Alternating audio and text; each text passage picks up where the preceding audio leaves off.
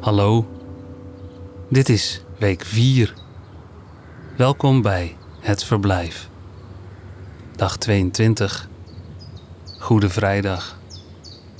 Vandaag Olga van Marion leest De soldaat die Jezus kruisigde van Martinus Nijhoff.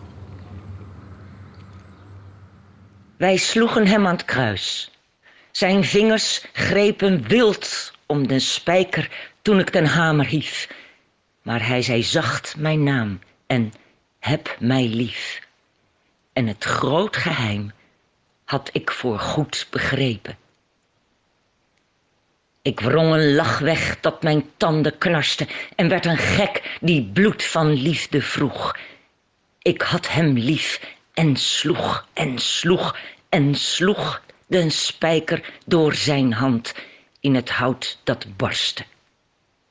Nu als een dwaas, een spijker door mijn hand, trek ik een vis, zijn naam, zijn monogram, in iedere muur, in iedere balk of stam, of in mijn borst, of hurkend in het zand. En antwoord als de mensen mij wat vragen. Hij heeft een spijker door mijn hand geslagen.